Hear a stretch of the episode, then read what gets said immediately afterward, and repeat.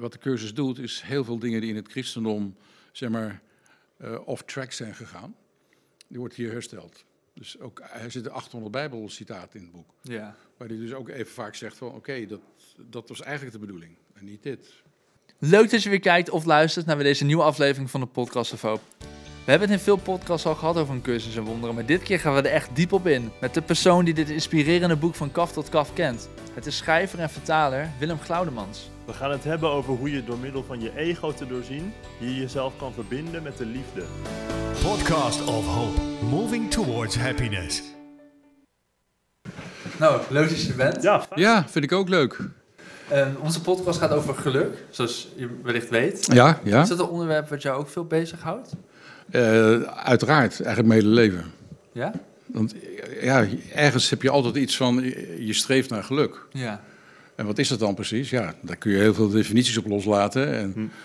daar, daar leer je ook in al gaande je leven. Dan kom je steeds meer andere dingen tegen en denk van, oké, dit is nou echt een geluksmoment. Ja. Hij- Heel veel gasten zeggen bijvoorbeeld dat ze nooit eh, bewust met geluk bezig zijn geweest in hun leven, maar eh, voornamelijk onderbewust. Hoe, is dat bij u ook het geval of bent u wel je, juist- je, graag. Je, excuses. Eh, Ik ben er eigenlijk Ja, wel wel. bewust mee bezig. Maar Ja. eh, eigenlijk denk ik vanaf mijn, ja, ergens 1985 of zo. hmm, Toen heb ik in 86 heb ik de cursus leren kennen. Ja. En dat is voor mij natuurlijk ja, de manier om geluk te gaan ervaren en te, te gaan zien waar het werkelijk over gaat. Heb je de cursus leren kennen door een zoektocht naar geluk wellicht? Eh dus ook zou je het kunnen zeggen. Ik, ik zou het toen niet zo genoemd hebben. Hmm, Ik was katholiek opgevoed en ik vond daar niks. Dus ik ben op een spirituele zoektocht gegaan. En toen kwam ik uiteindelijk bij Elisabeth Kubler-Ross terecht. Iemand die met sterfsbegeleiding bezig was. En daar een workshop van gaf. En daar heb ik een, een godservaring gehad, gewoon wam, dan me heen. En dat was ik dus aan het zoeken. En dat vond ik dus ook daar. En precies een jaar later vond ik de cursus. hmm. En dan had ik weer dezelfde ervaring door me heen. Ik, Oké, dit is het. En wat vond je daar dan in dat je niet in het christendom kon vinden? Oeh, zo, waar je gelijk... eh, Ja, dat, waarom niet, toch? Nee, helemaal goed. Wat ik hierin vond, was de dingen waar ik, ik had met christendom allerlei vragen. Ja. Ik kon een aantal dingen gewoon niet geloven. Eh, bijvoorbeeld dat Jezus voor onze zonden aan het kruis gestorven was. Ik begreep er niets van. Ik van, arme man, weet je wel. Van 2000 jaar later zijn nog mensen aan het zondigen. En dan is hij daar... Ja. Ik, ik snapte er niks van. En ook niet dat er gezegd werd, maar dat is de enige weg. Dat geloofde ik ook niet. Hmm. Ik denk, er zijn natuurlijk duizenden wegen. En er zijn zoveel religies. Dat kan niet één weg zijn. Dus daar kwam ik ernstig tekort in het christendom. Ja. En dus ik ging zoeken. Ja, en toen vond ik dus hele andere wegen. Maar het mooie ervan is, en dat zie ik ook veel meer mensen doen. Ik zie het als een soort volwassenwording. Als je op een gegeven moment dus stopt met wat je van huis uit meegekregen hebt, Ja. dan ga je je eigen dingen vinden. En dat is heel belangrijk, dat je je eigen kompas gaat volgen eigenlijk. In plaats van het kompas wat je aangereikt hebt gekregen. Ja, dus misschien die dogma's die in het christendom verworven zitten, zijn niet meer nodig als Die je volwassen wordt. nodig. Nee, ze zijn überhaupt niet meer nodig. Maar dat is een ander, dat is een ander verhaal. Ehm, nou, we gaan het eh, vanzelfsprekend hierover hebben. Maar ik wilde toch nog heel eventjes terug over, Ja, over het geluk. En wat, wat het, eh, uw definitie veranderde ook, leek het wel, in, door de jaren heen. Is dat wat u zei? Dat, Ik denk dat ik vroeger het geluk buiten me heb gezocht. En uiteindelijk, zeker met de cursus, heel duidelijk ben gaan, gaan beseffen dat het daar niet te vinden is. nee. Dat het alleen van binnen te vinden is. En dat dat een proces is van in feite je ego doorzien en daar steeds meer afscheid van nemen. Door de dingen die je doorziet. En dan wordt je geluk vanzelf meer. En je vreugde wordt meer en je vrede wordt meer. Dat is Ja. onvermijdelijk. Dus dat, dat is de- in feite de zoektocht geweest dat ik het eerst buiten me zocht. Mhm. Zoals iedereen, denk ik. Je begint altijd te kijken, als ik dan maar dit heb, dan ben ik gelukkig. Weet je. Nou, dat, dat, je kunt allerlei dingen verzamelen en eh, rijkdom verzamelen, maar dat, daar zit het hem niet in. Dat weet Nee. iedereen al lang, dat het niet in geld zit of, of bezit. Hoewel het wel handig is, hè, dat kan ook. Uiteraard. Hè, bedoel, het aantal dingen ben je heel blij omdat je ze hebt of zo. Hè. Gewoon ook praktisch gezien, maar daar zit je niet je wezenlijke geluk in. Ja, ja, misschien een verschillende vormen van geluk. Misschien is dat, dat, dat ehm, externe meer welbevinden. eh, en, Ja, zo kun je het zeggen. en zou geluk dan meer in je zitten? Dat is zeker in je. Ja, Ja, dat is voor mij de, de enige plek waar geluk te vinden valt. in jezelf. In jezelf. We willen het natuurlijk proberen buiten ons te vinden, maar ja, daar word je nogal teleurgesteld. Dus echt geluk en welbevinden hebben dan helemaal niks met elkaar te maken? Hmm, Kijk, dat innerlijke, als het innerlijke geluk er is, dan zit je ook anders in de wereld. Zit je anders in je leven. Hmm. En dat kan uiteindelijk ook welbevinden zijn. Ja. Hè? Ja. Of, of welzijn, of hoe je het noemen wil. Maar voor mij begint het wel van binnen en niet van buiten. Ja, plus als je bijvoorbeeld wel heel veel geld hebt, maar nog steeds niet dat innerlijke geluk, dan heb je Nee. niet veel aan het geld. Nee, dan, dan is nog steeds die Ja. innerlijke leegte en die moet gevuld worden door van alles. En steeds meer en steeds meer en steeds meer. Ja. En dan heb je al, al vijf eh, Rolls Royces staan of zo. En dan moeten er nog twee bij. Ja. Misschien ben ik bij zeven wel gelukkig in de Oh, ja, ja. Nee, ik, ik niet hoor. Je hebt er al, je hebt er al vijf dus. Ja, vier nog, maar Vier. nee. Die schiet al op. Ja, ik ben bijna gelukkig. Precies. Nou, dat, hè, dus we lachen hier om, maar het is terecht dat we om lachen. Want buiten ons kun je het echt niet vinden. Ja, dat dat, klinkt heel belachelijk op die manier, ja. ja, maar het is ook goed om, om dit soort grappen van het ego ook Mm. even uit te vergroten. Zodat ze ook echt doorzien kunnen worden. En Maar dat is het ego die dus, eh, dat verhaal met die auto's, dat is die ego die die auto's wil. Natuurlijk, die is nooit tevreden. Een ego is nooit tevreden. En die wil ook nog meer auto's dan de buurman. Hè? Ja. En, en ja, tuurlijk. En daarmee showen, dat, dat is allemaal ego. En dat gaat niet over geluk. Dat is, dat is oppervlak, dat is buitenkant. ja, dus is dan je ego misschien het tegenovergestelde van geluk? Zo zou je het kunnen definiëren. Ja, ik vind het geen gekke definitie. Hmm. Voor een filosoof is dat heel goed. Oké, top. en, Als iemand eh, die bezig is met cursus in wonderen het over ego heeft, dan snap ik het nooit zo goed. Ja, omdat ik dat zelf is heel goed. Een, een, beetje een Jungiaanse conceptie Ja, van het... die, die ken ik ook. het. En dit, eh, de cursus die schrijft daar eigenlijk heel anders over. Ja, Dus een korte definitie zou je kunnen zeggen: het is de gedachte van afgescheidenheid. oké. En daarmee identificeer je en dat wordt dan je sta in het leven. Hm? Hm. Dus ik ben afgescheiden en daar zitten twee andere afgescheiden figuren. En dan moet ik ontzettend oppassen, want die gaan me dadelijk aanvallen. Dat is in feite de angst van het ego. Hmm. Dus die zet een muur om zich heen Hm. en moet dus gaan verdedigen. Die moet dat kleine koninkrijkje, wat illusie is, moet hij gaan verdedigen. En dan geef ik altijd het voorbeeld van... Het lijkt alsof een, een golfje in de oceaan voor zichzelf begonnen is. En doet alsof de oceaan er niet meer is. Ja, ja. Als in, op het moment dat die, die illusie wegvalt, realiseer je dat je deel bent van een groter geheel. Yes, yes. Ja, ja, ja, ja. En dat je dus in eenheid bent en niet in afgescheidenheid. Ja, en de ego is het schild daartussen. Ego is het schild, ego is het idee van afgescheidenheid. Ja, oké. Van ik, ik heb geen verbinding met God, met de ander en nog met mezelf. Hmm. Hm? Ja, dat is wel interessant om ook op, op die manier angst te definiëren. Want Ja, dat is in principe wel wat het is natuurlijk. Dat is het ook. Ja. Angst komt vanuit afgescheidenheid voort. Als er eenheid is, is er geen enkele noodzaak om angstig te zijn. Nee. En hoe, ehm, want we hebben ook veel gasten gehad die hebben het over non-dualiteit. En we Mhm. zijn net de eenheid. Moet ik eenheid opvatten op een soort van non-duale manier? Of? Ja, ja. En het ego zit altijd in de dualiteit. Altijd in illusie. Nou, dan zitten we gewoon diep in de cursus al gelijk. ja. ja, dat is misschien ook onomkoombaar. Dat is onvermijdelijk. Ja. Eh, Ja, inderdaad. Nee, dat, dat klopt wel. Dat, dat- het is ook een non-duaal boek. Maar het definieert het allemaal net iets anders, omdat hij zegt er zijn maar twee eh, menselijke emoties, zegt hij. Eh, angst en liefde. Mhm. En die sluiten elkaar wederzijds uit. Liefde is alomvattend, dus daarmee kan angst niet meer bestaan. Is het een illusie. En daarmee is die weer non-duaal. Dus het lijkt in, in principe dat het duaal is, hè, angst Ja. en liefde. Maar uiteindelijk zegt hij nee, maar het enige wat bestaat is liefde. En angst bestaat eigenlijk niet. En dan is het du- non-duaal. Dus je ego bestaat eigenlijk ook niet. Juist, je hebt hem gelijk door. nee, dat klopt. Hè, zonder gekheid. Dat, dat, het kan alleen maar bestaan dankzij het feit dat wij het geloven. Op het moment dat wij stoppen met geloof in het ego, dan stopt het hele ding.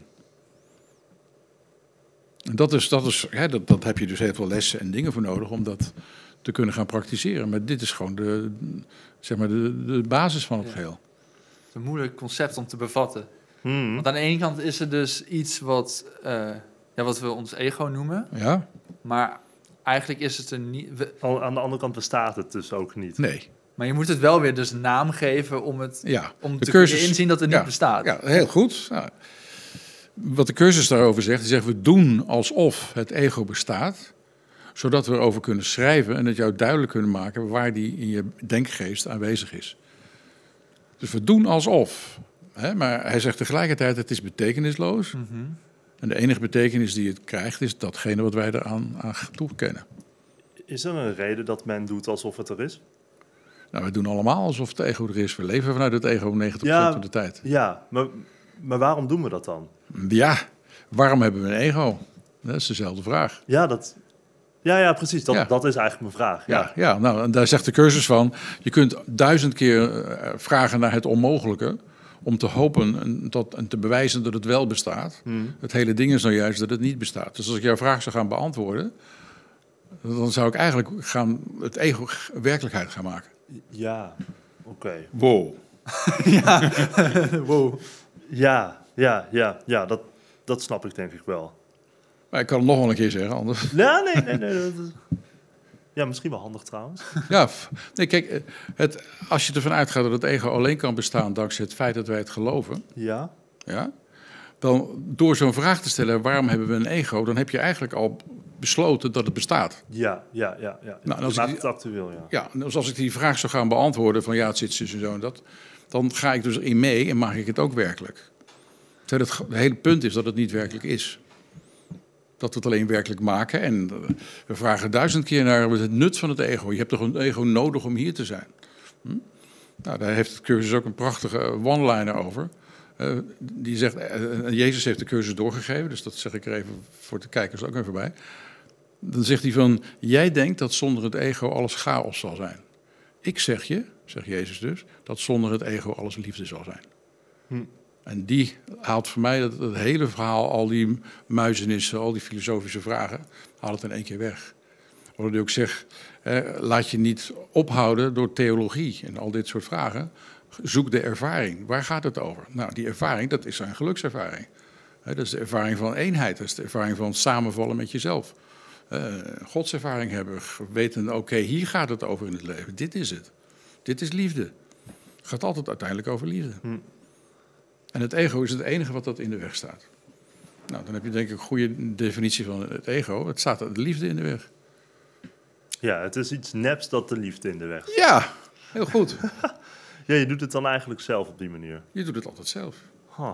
Dus kun je het ook ongedaan maken. Ja, ja. En dat is de truc.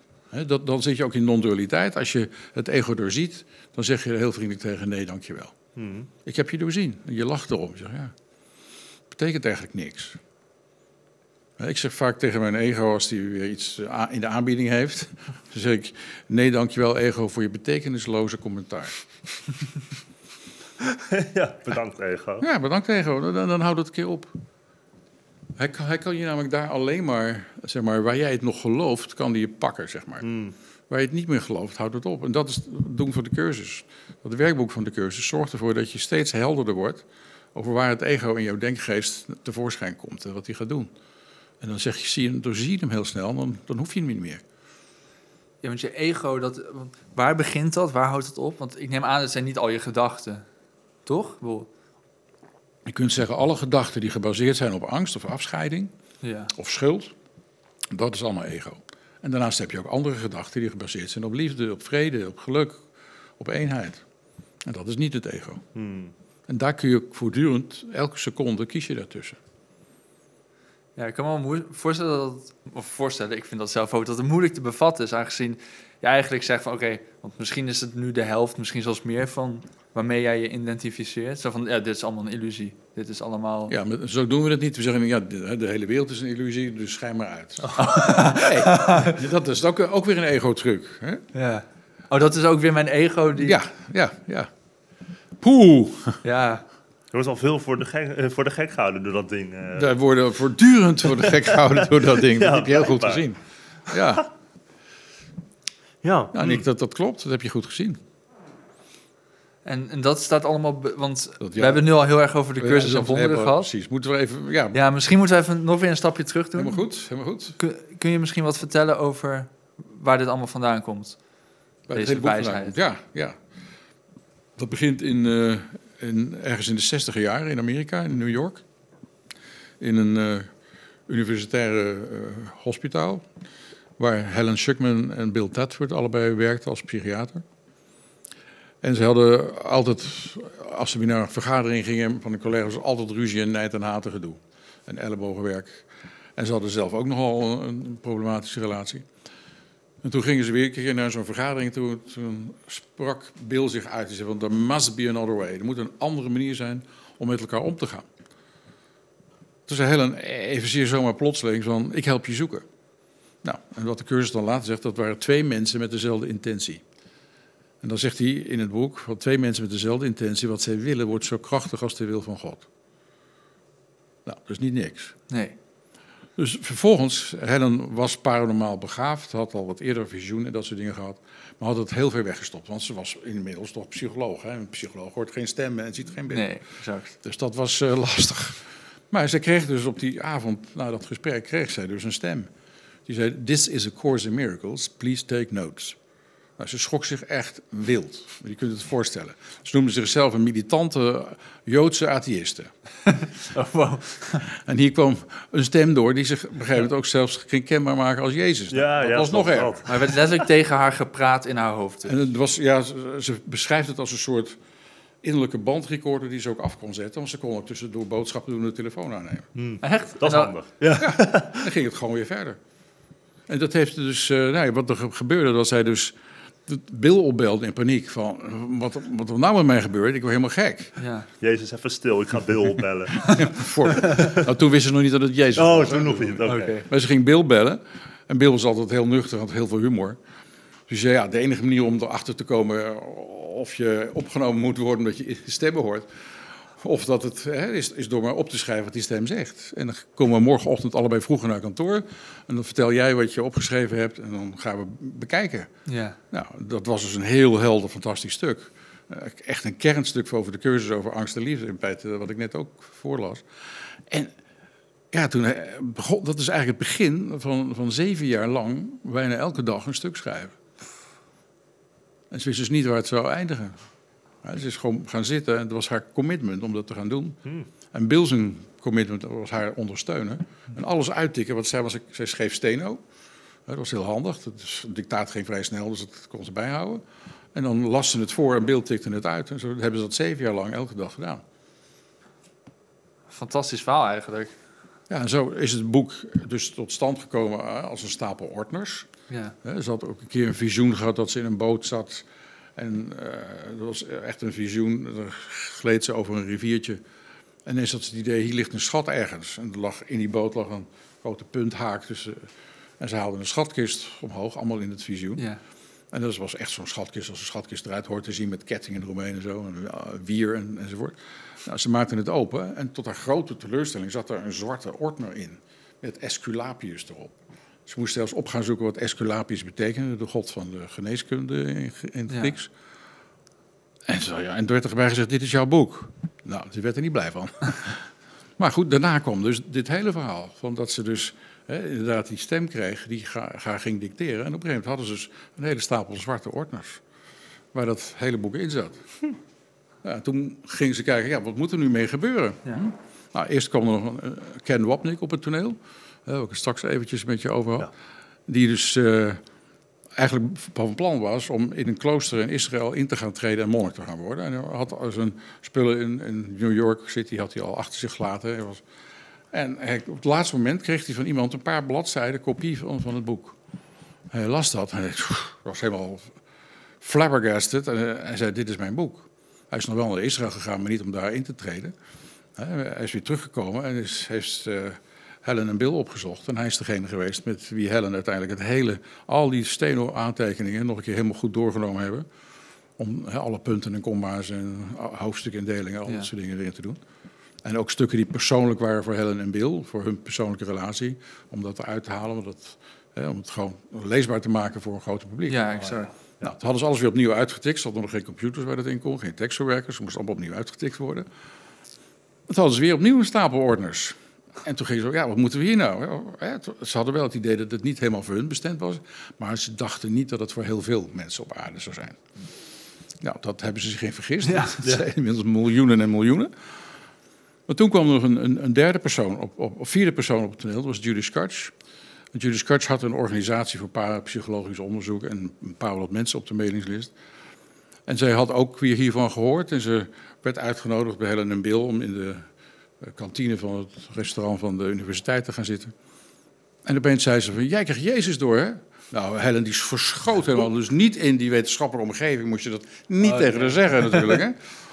Dus toen zei Bill, kom laten we maar naar onze kamer gaan. En toen zei Bill ook van, ja, weet je, Helen, laat het maar gewoon zien. Ze gaat het toch op een dag zien. Dus dat is die nuchtere humor van Bill. Want eh, het was in een afgesloten kast, hè? daar stond de cursus. Ja, goed, dat ding werd tevoorschijn gehaald. En Helen hetzelfde als met Kent, want boom. Als je, ja, als je eh, ermee in aanraking komt en je ziet de waarheid en de kracht die erin zit, dan Ja. kun je niet anders dan ons te boven gaan. En dat jij ook. Dat had ik ook, klopt. Ja, Dat was eigenlijk onomkoombaar met dit boek. het is onomkoombaar, ja. En het, het, als je het echt wil, dan komt het ook echt op je pad. Nou, heren, het is op je pad. Ja, Ja, ik loop het eigenlijk ook een beetje uit te stellen om het te lezen. Ik heb het gevoel dat het best wel, eh, ik weet niet. Ehm, ik weet niet of ik er klaar voor ben. Ik weet niet of dat stom klinkt. Dat maar- klinkt heel stom. Ja? dat zegt weer ego. Nee, het, het grappige is dat, dat mensen er heel lang omheen draaien. Dat, dat begrijp ik. Het ligt vaak op nachtkastjes en dan ligt het al jaren. Ja.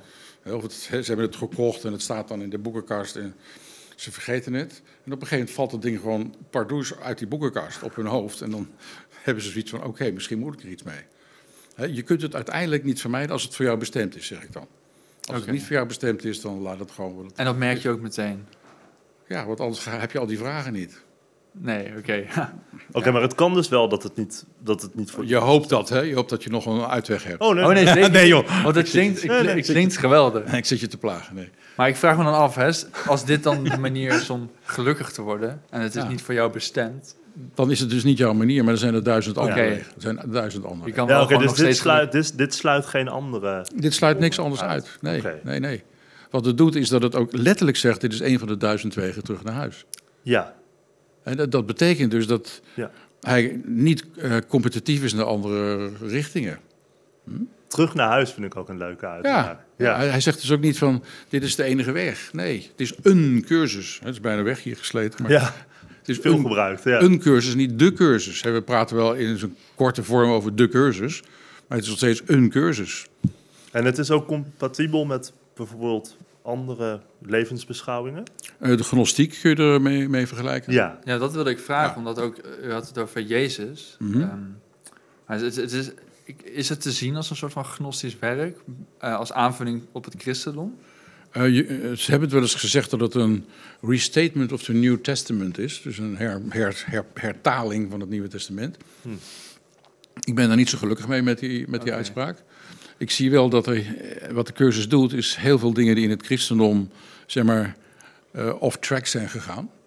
Die wordt hier hersteld. Dus ook, er zitten 800 bijbelcitaten in het boek. Ja. Waar hij dus ook even vaak zegt van, oké, dat, dat was eigenlijk de bedoeling. En niet dit. Hmm. Heb je misschien een paar voorbeelden? Of misschien één voorbeeld van waar het christendom off track is gegaan en de cursus dat weer rechtzet? Eh, bijvoorbeeld de kruisdood van Jezus, dat het absoluut geen eh, offer is voor onze zonde. Wat ik dus als klein jongetje ook al in de kerk niet Oh, dat wordt er ook in gezegd. gewoon letterlijk in gezegd in hoofdstuk 3 en hoofdstuk 6 wordt er een stuk daarover uitgeweid. Met ook bijbelcitaten erbij en wordt uitgelegd hoe het dan wel bedoeld is. Hoe is het al bedoeld? De, de kruisiging, daar zegt hij er letterlijk van, de boodschap van de kruisiging is teach only love, for that is what you are. Dus onderricht alleen liefde, want dat is wat je bent. Hmm. Dus dat gaat over uitstralen, dat gaat over ten diepste zijn wie je bent en dat uitstralen. En dat is wat anders dan dat je, eh, zeg maar, eh, je zonde moet gaan beleiden of zo. Het hele idee van schuld wordt hier echt onderuit gehaald. Wat natuurlijk in de katholieke kerk, het Calvinisme, heel sterk is benadrukt. En dat verlamt ons. Dat verlamt ons geweldig. Dat je, als je schuldig bent, dan, dan durf je eigenlijk al niks meer. En, en 2000 jaar geleden, dat is, dat is ook teruggevonden in het Aramees. Jezus sprak toen over katha en bisha. Dat waren twee termen die vertaald werden als kwaad en het zonde en schuld.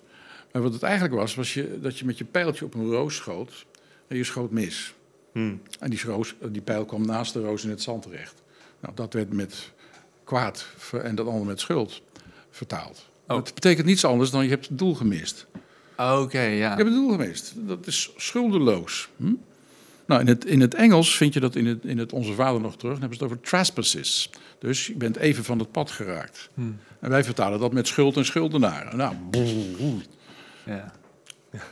En dat, Dubbel gewicht erop heen. dubbel gewicht erop, verlammend. Nou, dan zeg ik altijd, Jezus was 2000 jaar geleden ook een hele goede psycholoog. Die heeft daar nooit over gehad, over doodzonde en dat soort gekkigheid. Dat is echt in het christendom erin gekomen om ons ja, klein en verlamd te houden, zeg ik dan.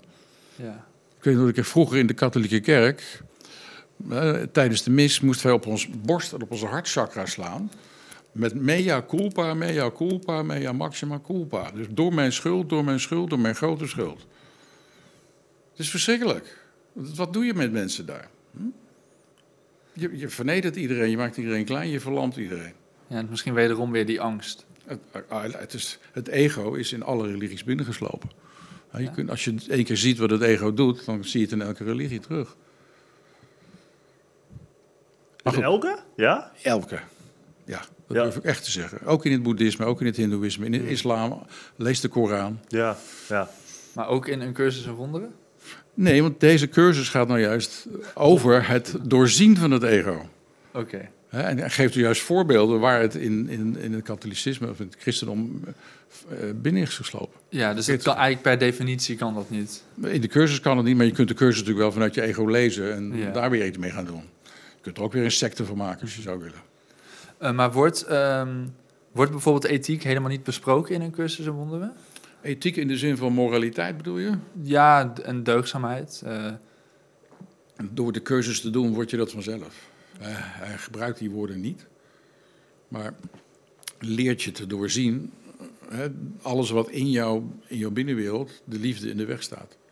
En als je dus steeds meer liefdevol wordt, dan leef je al gelijk ethisch. ah, Oké. Ja, dus die deugd dus- komt een beetje voor uit liefde. Ja, maar dit is niet een, een issue in de cursus.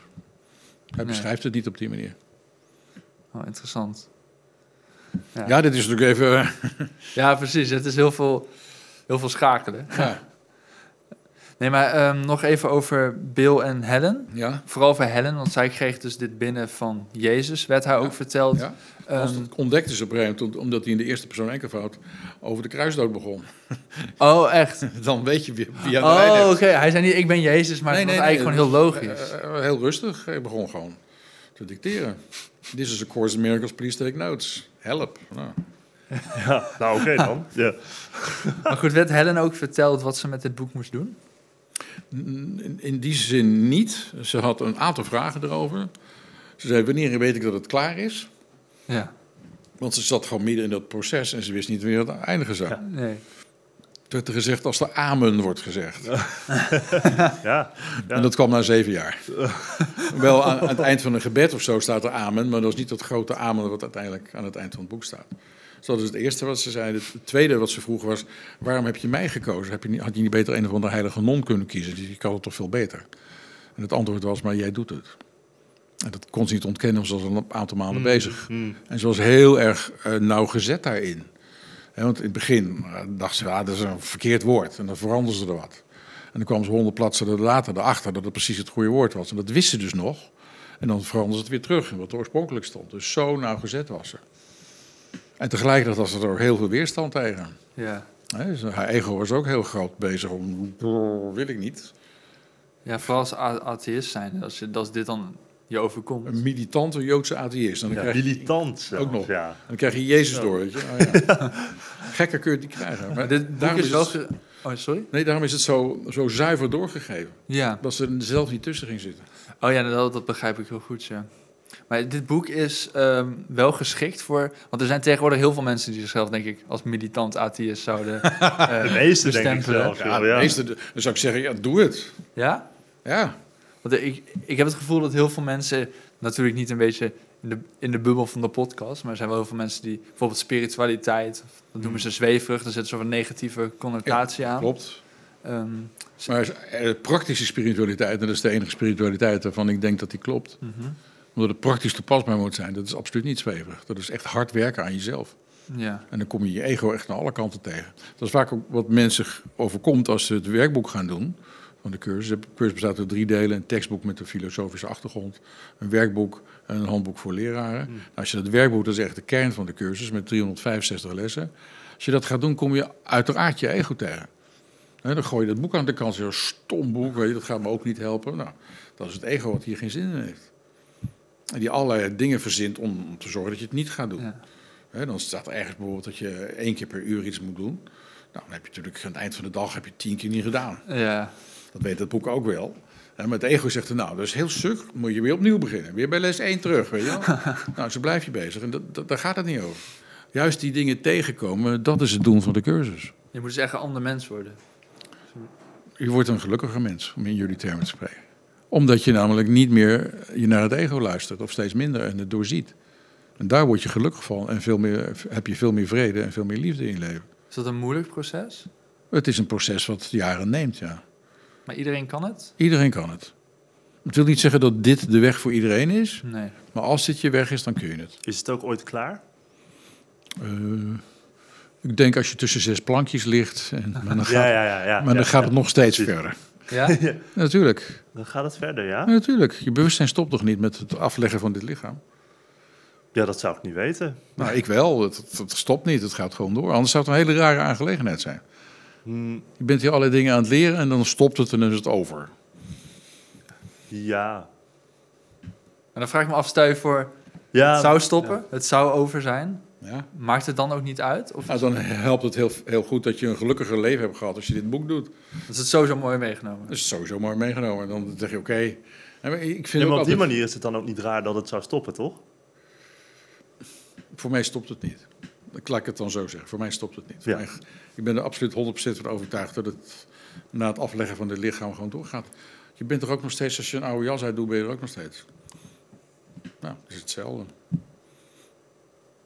En op welke eh, manier zou ik dat moeten zien? Is het als het ware je ziel die onsterfelijk is? Ja, of je bewustzijn, je, je goddelijke kern, geef het een naam. Die naam maakt niet uit. En is dat in elk geval of is dat bijvoorbeeld bij net, iedereen, bij iedereen. ja, niet zoals bijvoorbeeld, eh bijvoorbeeld hermeticisme, dat het alleen is als je in dit geval deze cursus zou doorlopen? Het is voor iedereen. En het is wel zo dat je door zo'n pad te gaan, je spiritueel ontwikkeld hebt. En dus ook waarschijnlijk op een andere manier zult sterven. Namelijk in minder angst bijvoorbeeld. Ja. Ik heb bijvoorbeeld echt geen dood- doodsangst. Nee, Dat heb ik gewoon niet. Om, ja, past gewoon niet in het plaatje of zo. Ik weet niet. eh. nee. Ja. Maar je vergeleek het met een oude jas uittrekken. Ja, Eh, ja. Trek je daarna ook weer een nieuwe jas aan op een soort van Dat, dat reïncarnatie zou je manier? kunnen doen. Dat zou je kunnen Zou je doen. kunnen doen. Dat, die, ja, die, die, kans. die, die dus- keuze heb je. Oké. Je kunt opnieuw kijken en incarneren en kijken van... oké, er is nog iets gezelligs wat ik wil leren. Zou kunnen. Of heb ik iets te brengen hier? Ja, Dat zijn een aantal redenen om opnieuw te incarneren. Hmm. En hoe je je op aarde gedraagt, is dat ook... Daar word je door God door ook- gestraft natuurlijk. Hè? Dat Ja, dat wil ik. Ja, bepaalt dat ook de jas die je, de tweede jas die je aankrijgt? Of, of ben ik nu te oppervlakkig aan het denken? Dat is een goede vraag. Je, in feite vraag je van...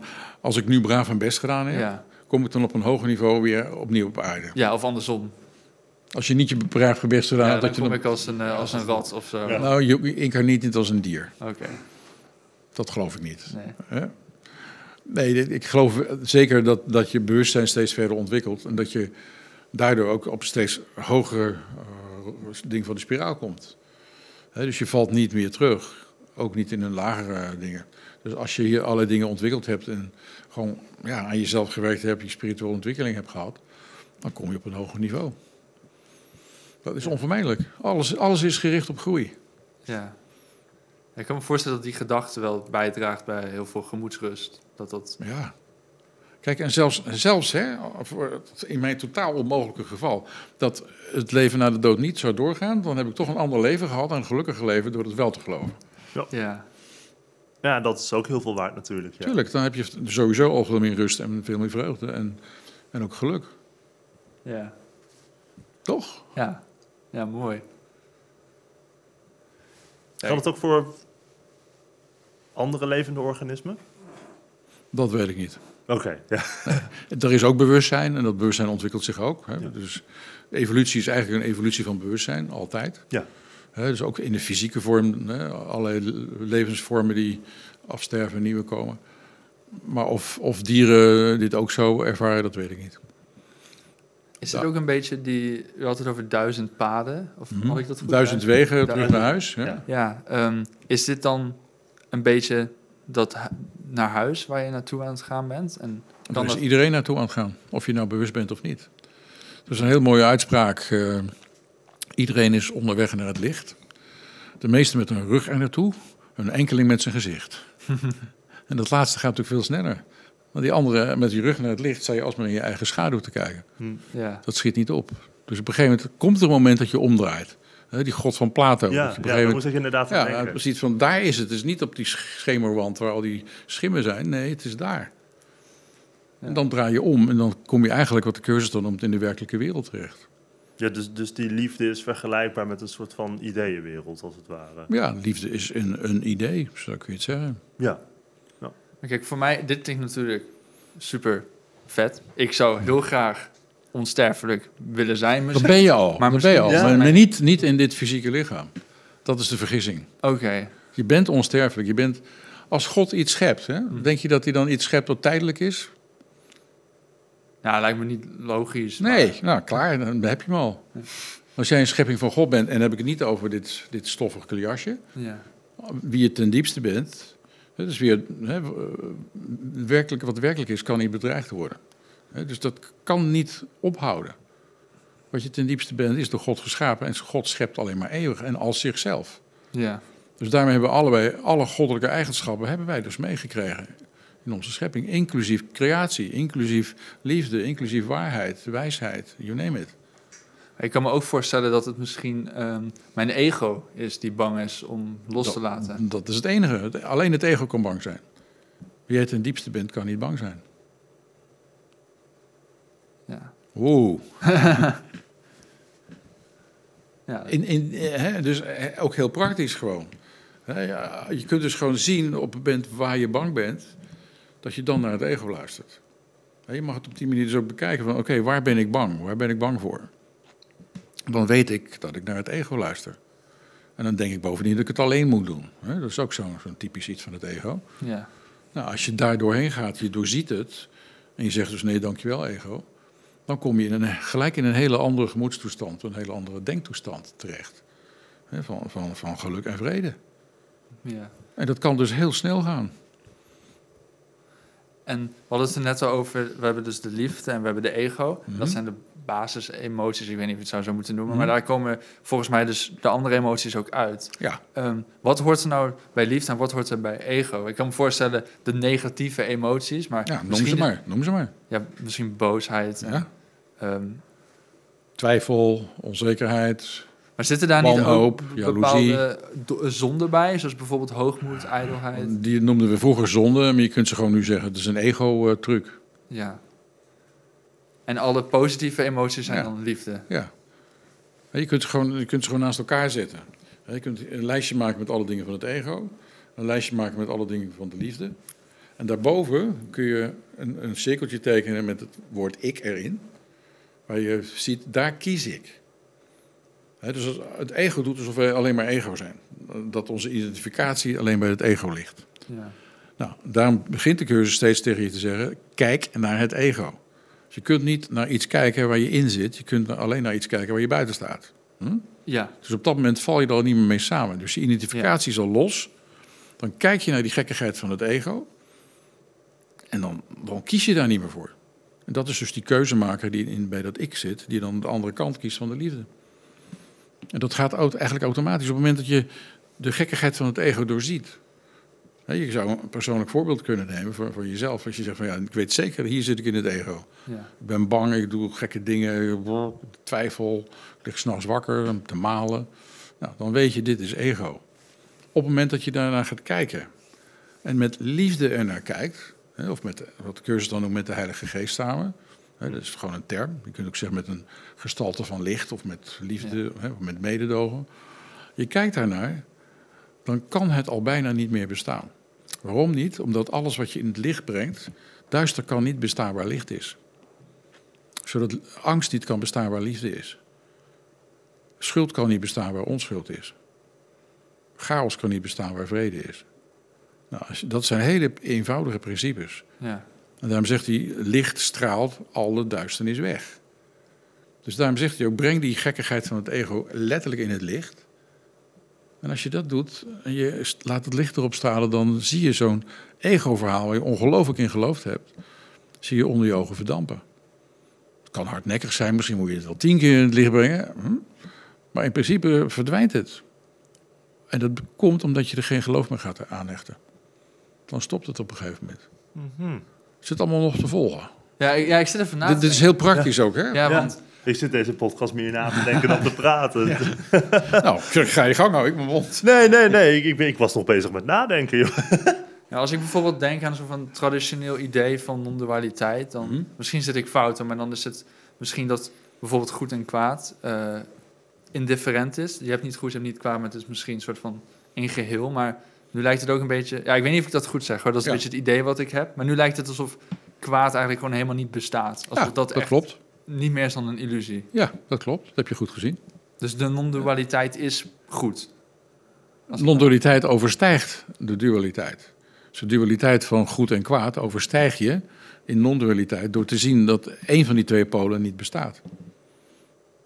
En dat is heel anders dan de meeste non-dualisten erover over praten. Maar de cursus is daar wat dat betreft ongelooflijk helder over. Ja. Ja, maar ik zou het zelf ook anders hebben gezegd. Ja, Als in de, de twee polen van de dualiteit zijn als twee kanten van dezelfde munt, als het ware. Het is één ding op die manier. ja. Maar hier zegt de- cursus dus, hè, waar licht is kan geen duisternis zijn. Ja, Dus die polariteit wordt eigenlijk opgeheven door het feit dat licht duisternis wegstraalt. Denk maar aan twee kamers met een deur ertussen. Hm. De ene kamer is licht, de andere kamer is donker. Wat gebeurt er als de deur open gaat? Oké, ja. Wordt de donkere kamer licht of wordt de lichte kamer donker? ja nee, de donkere kamer wordt uiteraard licht, ja. Ja, dat is precies dit, dit principe. Hm. Hè, Dus daarom kun je ook uit die dualiteit. Je hoeft niet meer in die tegenstelling te denken, omdat je gewoon weet van als ik, dat er, als ik de, het ego in het licht breng, kan het niet meer bestaan. En dat doe je dus bijvoorbeeld door met vrienden over jouw jouw dingen te praten. Dat heb je vast en zeker gedaan. En dan weet je ook, op het moment dat ik erover aan het praten ga, verandert het al gelijk. Mhm. ja. Omdat het, het ego wil het graag verborgen houden en geheim en drie sloten erop. Ja, ja, je brengt het aan het licht. Ja. Je brengt het letterlijk aan het licht en Ja. kijk wat er dan gebeurt. Dus in principe is het één groot bewustwordingsproces. Yes. Deze hele cursus is bewust worden. Ja. Van liefde uiteindelijk. Maar begint dus met de blokkades die de liefde in de weg staan. Om daar bewust van te worden. Dat zegt hij dus al op de allereerste bladzijde. Dat eerste stukje wat eh, Helen doorkreeg. Hè. Dit is een cursus in wonderen. De cursus beoogt niet de betekenis van liefde te onderwijzen. Want dat gaat wat onderwezen kan worden te boven. Dus wat liefde is, kun je eigenlijk hem niet vertellen. Hij beoogt echter wel de blokkades weg te nemen voor het bewustzijn van de aanwezigheid van liefde. Hmm. Dus liefde is er altijd, liefde is nooit het probleem. Maar er zitten blokkades voor in ons bewustzijn. Dus dat is inderdaad een, een hele cursus in bewustwording. En dan zegt hij van liefde die jouw natuurlijk erfgoed is. Dat is wat je bent, zo ben je geschapen. Het tegendeel van liefde is angst, dan lijkt hij dualistisch te zijn. Maar wat alomvattend is, kent geen tegendeel. En is die weer non-duaal. Hmm. Wat alomvattend is, kent geen tegen. Nee, alomvattend is de liefde. Er kan geen tegendeel van iets zijn wat alomvattend is. Woe. Ja. Ja, ja, ja. Dus het is, het- is niet een soort van manicheïsche conceptie dat goed en kwaad allebei bestaan. Nee. Het is echt alleen goed dat bestaat. Ja. ja, dat is En ook- daar komt alles uit voort. Ja, maar het ego is daar niet tevreden mee, dus die begint een ander verhaal. Ja, ja.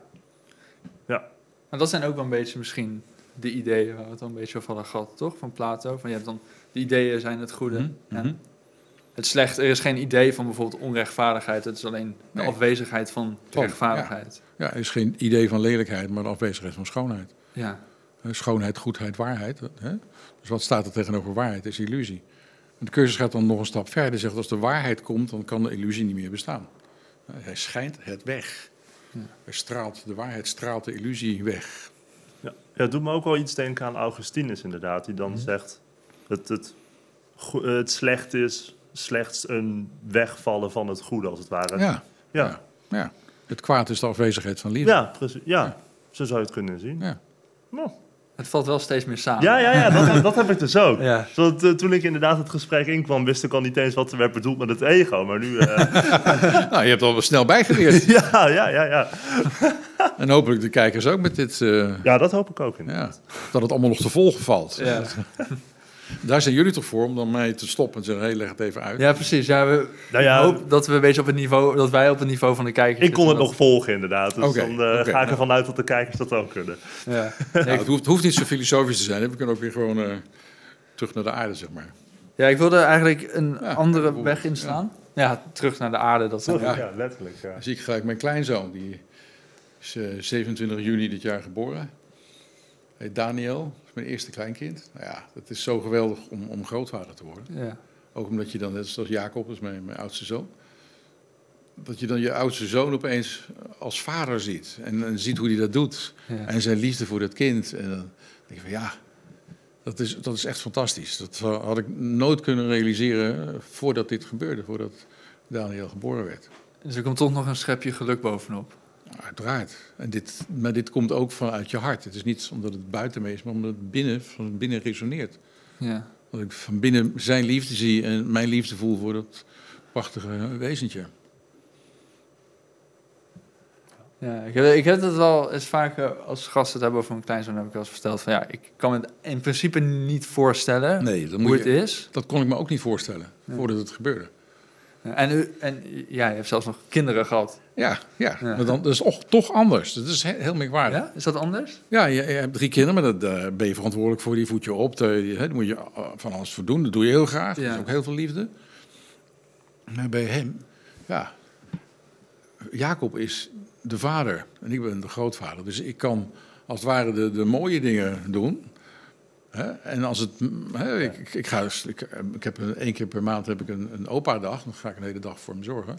Maar dan kan ik daarna weer zeggen: Oké, ik doe de deur dicht. Ja, Zon- Zonder eh, overdreven verantwoordelijkheden. geen luiers. Precies. Ja, ja, nee, ja. nee, luiers vervang ik natuurlijk wel Oh, die dag. Want ik kan niet de hele dag in de popluier laten zitten. Maar wel met liefde. Ja, met liefde natuurlijk.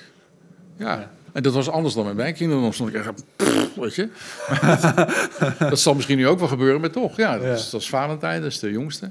Met zijn vriendin Michelle uit Mexico. In de Zwitserse Alpen. Dit is eh, Irene met Tom. Haar vriend, die is eh, DJ en techno-muzikant en eh, componist. En zij is illustratrice. En dat is Esther, de moeder van Daniel. Ja, Nou, dat, dat geeft me, ik ben zo gelukkig dat ik vader ben, maar ook heel erg gelukkig dat ik grootvader ben.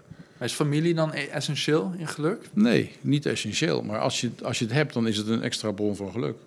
Oké, ja. Bedoel, je kunt gelukkig zijn zonder dit, maar ik kan me mijn leven niet meer voorstellen zonder al deze lieve mensen. Nou, dus dan kan het deze vriendin.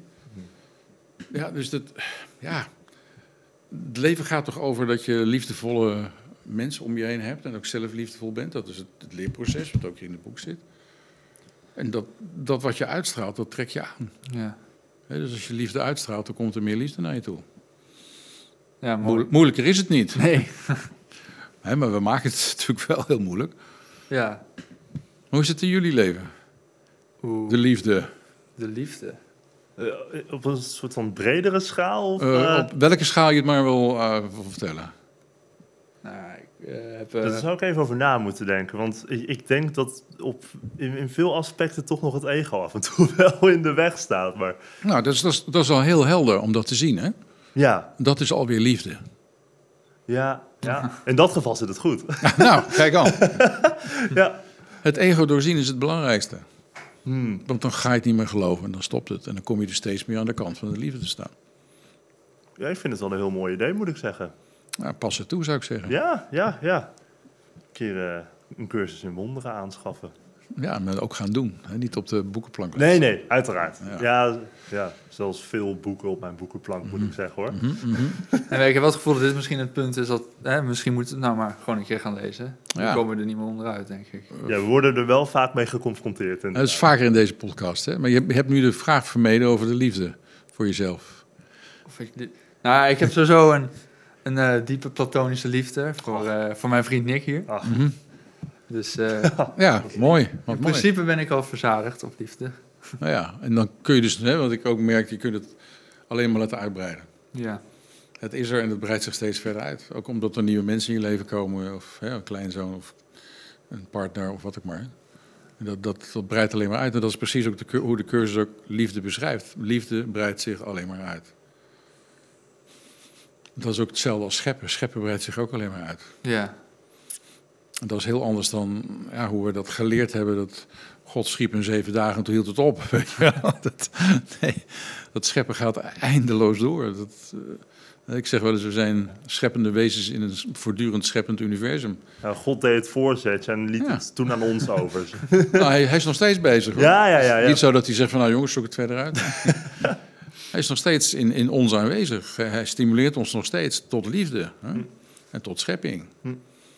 Ja, ik weet niet meer wie dat, of dat op de podcast was of gewoon ergens anders, maar er was, iemand zei in ieder geval dat wij in het beeld van God zijn gemaakt en God is een schepper en daarom zijn wij ook scheppers. en daarom, Ja, ehm, dus bijvoorbeeld dingen als schilderen, muziek maken, Ja, eh, logisch. gewoon eigenlijk alles wat we doen. Wij zijn ook scheppers, maar een soort van Yes. kleine scheppers. Nee, er is geen verschil in. Nee, oh, we zijn, We zijn gewoon scheppers. Ja. Punt. Ik zeg wel, we zijn medescheppers met God. Hè? Mhm. En hij heeft ook onze handen en, en dingen nodig om, om hier in deze wereld te kunnen scheppen door ons heen. Maar hij stimuleert die liefde. Of hij, of hij, of zet, of eh, het. eh, het heeft geen geslacht, maar ik zie het gewoon als alleen maar bewustzijn van liefde. Wat heel krachtig is. ja. Als je dat ervaart, dan voel je dat ook echt. Dan, dan valt alle onzin valt weg. Dan ben je onmiddellijk in een totaal andere bewustzijn staat. ja, ik, eh, klinkt goed. Ja, nou, het is zeer goed te bereiken. Vooral door het niet te willen bereiken. Ja, exact. Ja. Ik, ik wilde, voordat we stoppen, eigenlijk nog één vraag stellen als dat Mhm. mag. Ja, Eh, want we hadden het een Oh. beetje al tijdens het eten over, maar... ehm, ehm, want we zeiden al dat we eigenlijk uw naam kenden via de Nag Hammadi Ja, geschriften. Ja, ja. Eh, en ik, ik, ik vroeg me af hoe, dat, hoe die geschriften zich verhouden tot de cursus en wonderen. Eh, en waar, want u heeft ze allebei vertaald. ja.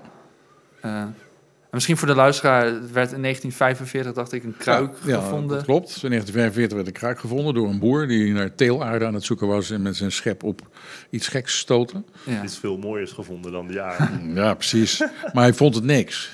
Nee, nee. Hij, hij, hij ging ermee naar zijn imam en die zei, oh, dat is iets van die christenen, is voor ons waardeloos.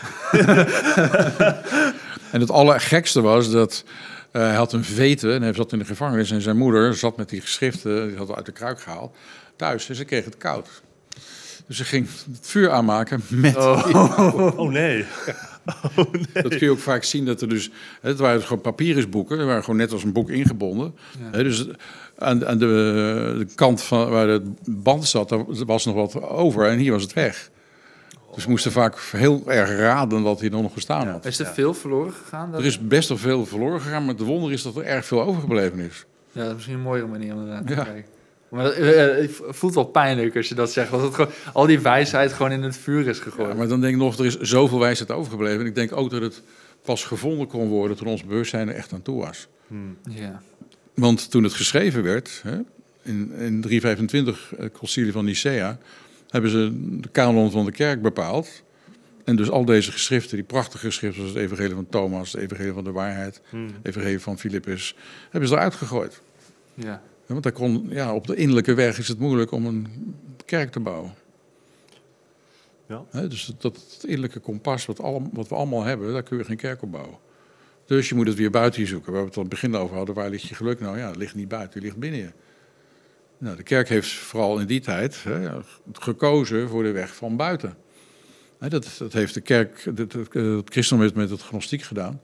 En de islam heeft het met het soefisme gedaan. Dat is ook een innerlijke weg. Hè, die, die zijn in feite terzijde geschoven. Wat Ja. voor mijn gevoel een historische vergissing is geweest. ja. Hoezo zou dat gebeurd zijn dan? Omdat je er geen macht op kunt uitoefenen. Oh. Ja, zo simpel is het volgens dat mij. bij heel veel dingen gebeurt die op een gegeven moment heel groot worden. Toch? Dan, dan krijg je een soort van machtsstructuur erin of zo. En dan... Het wordt geïnstitutionaliseerd. Ja, Het wordt een vormreligie. Ja. Ja, maar op, om jouw vraag terug te komen, de verbinding met de cursus, is dat de cursus kun je ook een, een gnostisch boek noemen. Ja. En de gnostiek gaat in feite over, als je het zelf kent, met een hoofdletter Z, ken je het al. Hè, dus als je je diepste zelf kent, ken je alles. Ken je, het, ken je God, ken je alles. Ja, dat klinkt dat- heel gnostisch Dat is inderdaad. gnostisch, ja. inderdaad. Nou, dat is heel gnostisch, maar dat zit ook in de cursus. Ja. Als je dus weet dat wij geschapen zijn zoals God. Liefde kan alleen maar als zichzelf scheppen. Dus wij zijn liefde. Nou, als je dus de liefde gaat leren kennen, dan ken je dus in feite het al. Dan ken je het goddelijke. En je kan het God op ook, eh, je kan God ook op die manier eh, ontdekken, als het ware. Ja. Het, zijn al, het is weer een van de wegen naar huis toe. Exact, exact. Dus het is ook geen toeval dat u beide heeft vertaald. Eh, nee, want dat, dat hebben ze hierboven ergens bepaald. Oh. ik weet niet precies hoe dat gegaan is. het is wel heel toevallig dat ik ze allebei heb mogen betalen. Ja, wat ik, wat ik er zeer dankbaar voor ben. Ja. Het heeft heel veel gebracht in mijn leven, dat ik dat ik het allebei heb mogen doen. Ja. En, de, en de gnostiek, ja, het mooiste geschrift uit de Nag geschrift is voor mij het Evangelie der Waarheid. Mm. En dat is gewoon de cursus in wonderen in een notendop van 2000 jaar terug. En dat, als je dat gaat lezen, het is, het, is een, het is een meditatie over... In feite komt de illusie komt erin, de waarheid komt erin, alles komt erin voor. Dus, dus daar zie je gewoon de hele cursus met dan... En dit, en dit was na eh, dat u de cursus al in aanraking was gekomen, toch? Ja, ik had in 85, 86 heb ik de cursus gevonden. Ja. En ergens in, ja, wanneer was het? Begin jaren 90 heb ik met Jacob Slavenburg die nog allemaal Ja. geschriften vertaald. Het eerste deel is in 94 en het tweede deel in 95 uitgekomen. En toen was ik ook al met de cursusvertaling bezig. En toen dachten we al dat we dat nog even tussendoor konden doen. Nou, dat gelukkig niet. Dus we hebben eerst de Naghamid geschriften afgemaakt en toen ja. cursusvertaling. Maar het viel wel dus allemaal samen. Het viel in mijn leven allemaal samen, ja. ja. Ja. Het was echt één geheel en dat vond ik echt heel bijzonder. Ja. Dan zie je dus ook dat er een grotere regie is, die ik 100% vertrouw. Ja. Ik, alle dingen in mijn leven gebeuren gewoon altijd precies op het goede moment. En mensen, juiste mensen komen naar me toe. Dat geldt voor iedereen, dat geldt voor jullie ook. Ja. Als je in die stroom staat, dan gebeurt dat gewoon voortdurend. Ja, ja, stel je open aan de liefde en alles valt op zijn plek eigenlijk. Ja, dus zo mag je het samenvatten, ja. Wat vallen alle dingen rustig op hun plek, staat in de cursus. Wat vallen alle dingen, alle dingen, Alle, ja. rustig op hun plek. Mooi. Ook specifiek rustig, ja. Ja, dat rustig. hè. Gewoon kalm. Je, niet, niet met allerlei gedoe of zo. Het komt gewoon. Het valt rustig op zijn plek. Ja, mooi. Ja. Ja. Ja, als, als laatste vraag vragen wij eigenlijk altijd onze gasten naar een voorwerp mee te nemen. Maar u, Ja, ja, dat- dat het- Ja, dat is, ja. eigenlijk was de hele podcast ging hierover. Ik ging op Ik, het voorwerp, ja. ik weet niet of je nog wat toe te voegen Ik hebt. vind het wel leuk om één klein stukje over geluk voor te lezen. ja Graag, wij ook. ja. Ja. vinden wij Ja. ook leuk. Uit, uit les 103. God die liefde is, is ook geluk. En dan begint het zo. Geluk is een eigenschap van liefde. Het kan er niet los van staan. Evenmin kan het worden ervaren waar geen liefde is. Liefde kent geen grenzen, want ze is overal. En daarom is vreugde ook overal. Nou, Mooi. Ja, mooi. Ja, dan ronden we het hiermee Ja. af, denk ik. Dat, dat was hem. dat was hem, ja. Prachtig. Heel erg bedankt. Ja, jullie ook. Dat is een mooi gesprek. Dank jullie wel. Bedankt voor het kijken of luisteren naar deze aflevering van de Podcast of Hoop. We hopen dat je ervan hebt genoten of misschien wel geïnspireerd door bent geraakt. Iedere zondag om 10 uur komt er een nieuwe aflevering online op YouTube, Spotify en op al je andere favoriete podcast-apps. Ook kun je ons vinden op www.podcastofhoop.nl. Tot ziens en veel geluk. De wereld waarin we leven biedt nog geen gelijke kansen. Voldoende eten en drinken. Een adequate opleiding. Goede gezondheidszorg. Vrede en geluk is niet voor iedereen weggelegd. Maar stap voor stap wordt het beter. En zijn we op weg naar een octopische samenleving waarin iedereen zijn of haar leven als goed kan beschouwen. Het is een lange reis, maar we zijn op weg. Podcast of Hope. Moving towards happiness.